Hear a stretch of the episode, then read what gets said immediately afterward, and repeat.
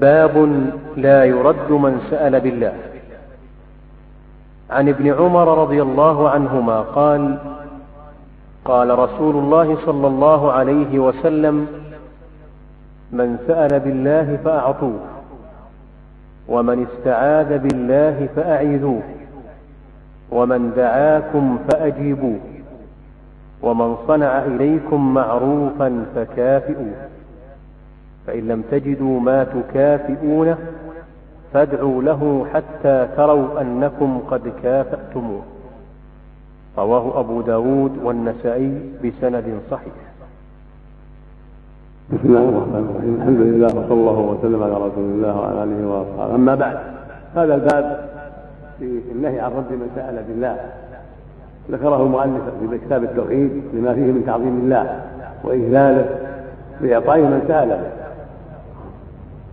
قال باب لا يرد من سأل بالله. عن ابن عمر رضي الله تعالى عنهما عن النبي صلى الله عليه وسلم قال من سأل بالله فأعطوه. ومن استعاذ بالله فاعيذوه ومن دعاكم فأجيبوه. ومن صنع إليكم معروفا فكافئوه.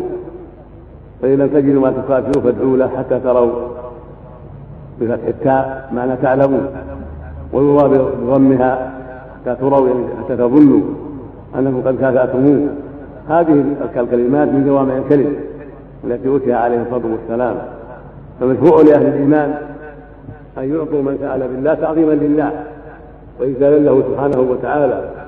وقد جاءت عدة أحاديث تدل على كراهة السؤال بالله بما فيه من التشديد على الناس ولكن متى سأل حقا له كالزكاة أو من بيت المال أو كان مضطرا وجب أن يعطى.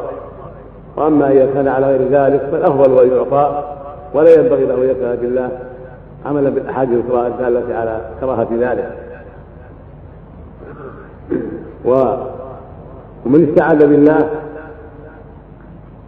شرع أن يعاد.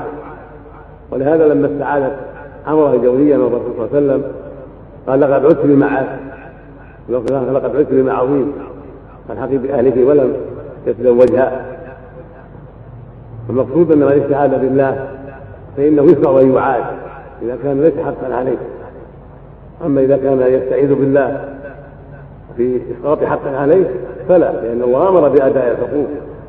ولا يجوز الاستعاذة بالله في حق الحقوق. فلا يقول أعوذ بالله أن تلزموني بالصلاة أو أن تلزموني بأداء الزكاة أو أن تلزموني بأداء الحقوق التي علي كالدين والكفارات ونحو ذلك. أما إذا استعاذ بالله من أمر لا يلزمه فلا بأس يشرع أن يعاد تقديرا لما استعاذ به كأن يستعيذ بالله يولى القضاء وهناك من يقوم مقامه أو يستعاذ بالله يولى الإمارة وهناك من يقوم مقامه وما أشبه ذلك من الأشياء التي فيها الخطر. كما يروى عن ابن عمر أنه لما أمره عثمان بالقضاء استعاذ بالله أن يولى القضاء فأعاده عثمان. وهذا إن صح.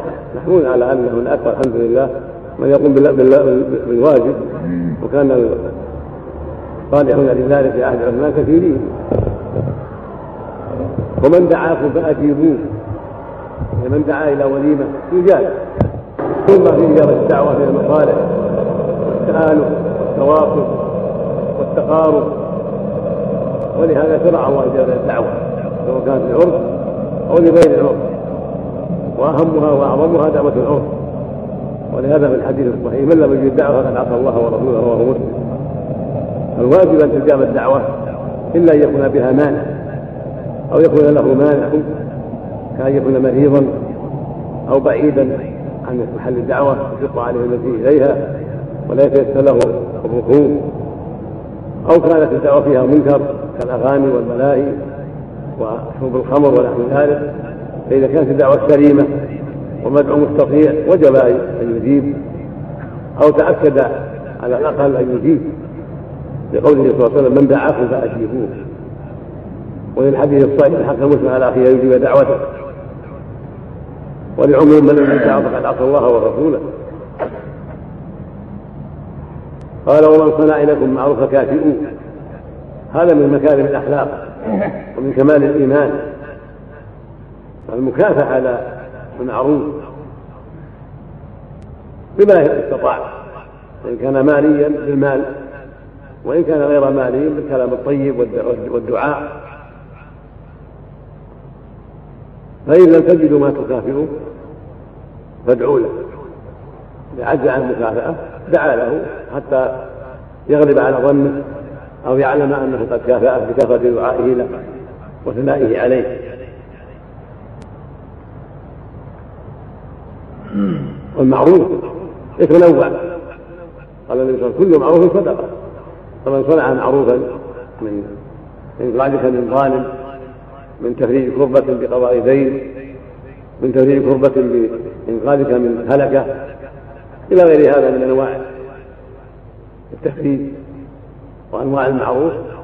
شرع لك مكافأته بما يناسب المقام من مال أو غيره حسب أحوال الناس وحسب أحوال المعروف. فمن عجز عن ذلك فالدعاء يقوم مقام المكافأة.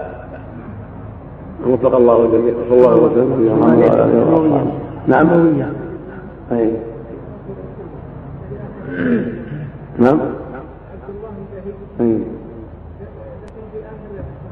أي. عبد الله بعيد مولى مسعد بن الزبير ويقال اسم ابيه يسار صدوق يقال اسم ابيه يسار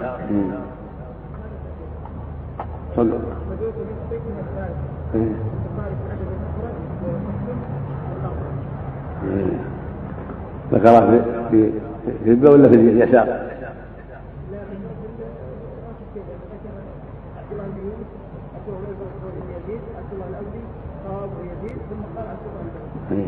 لأن أباه مجهول غير معروف العبد نعم.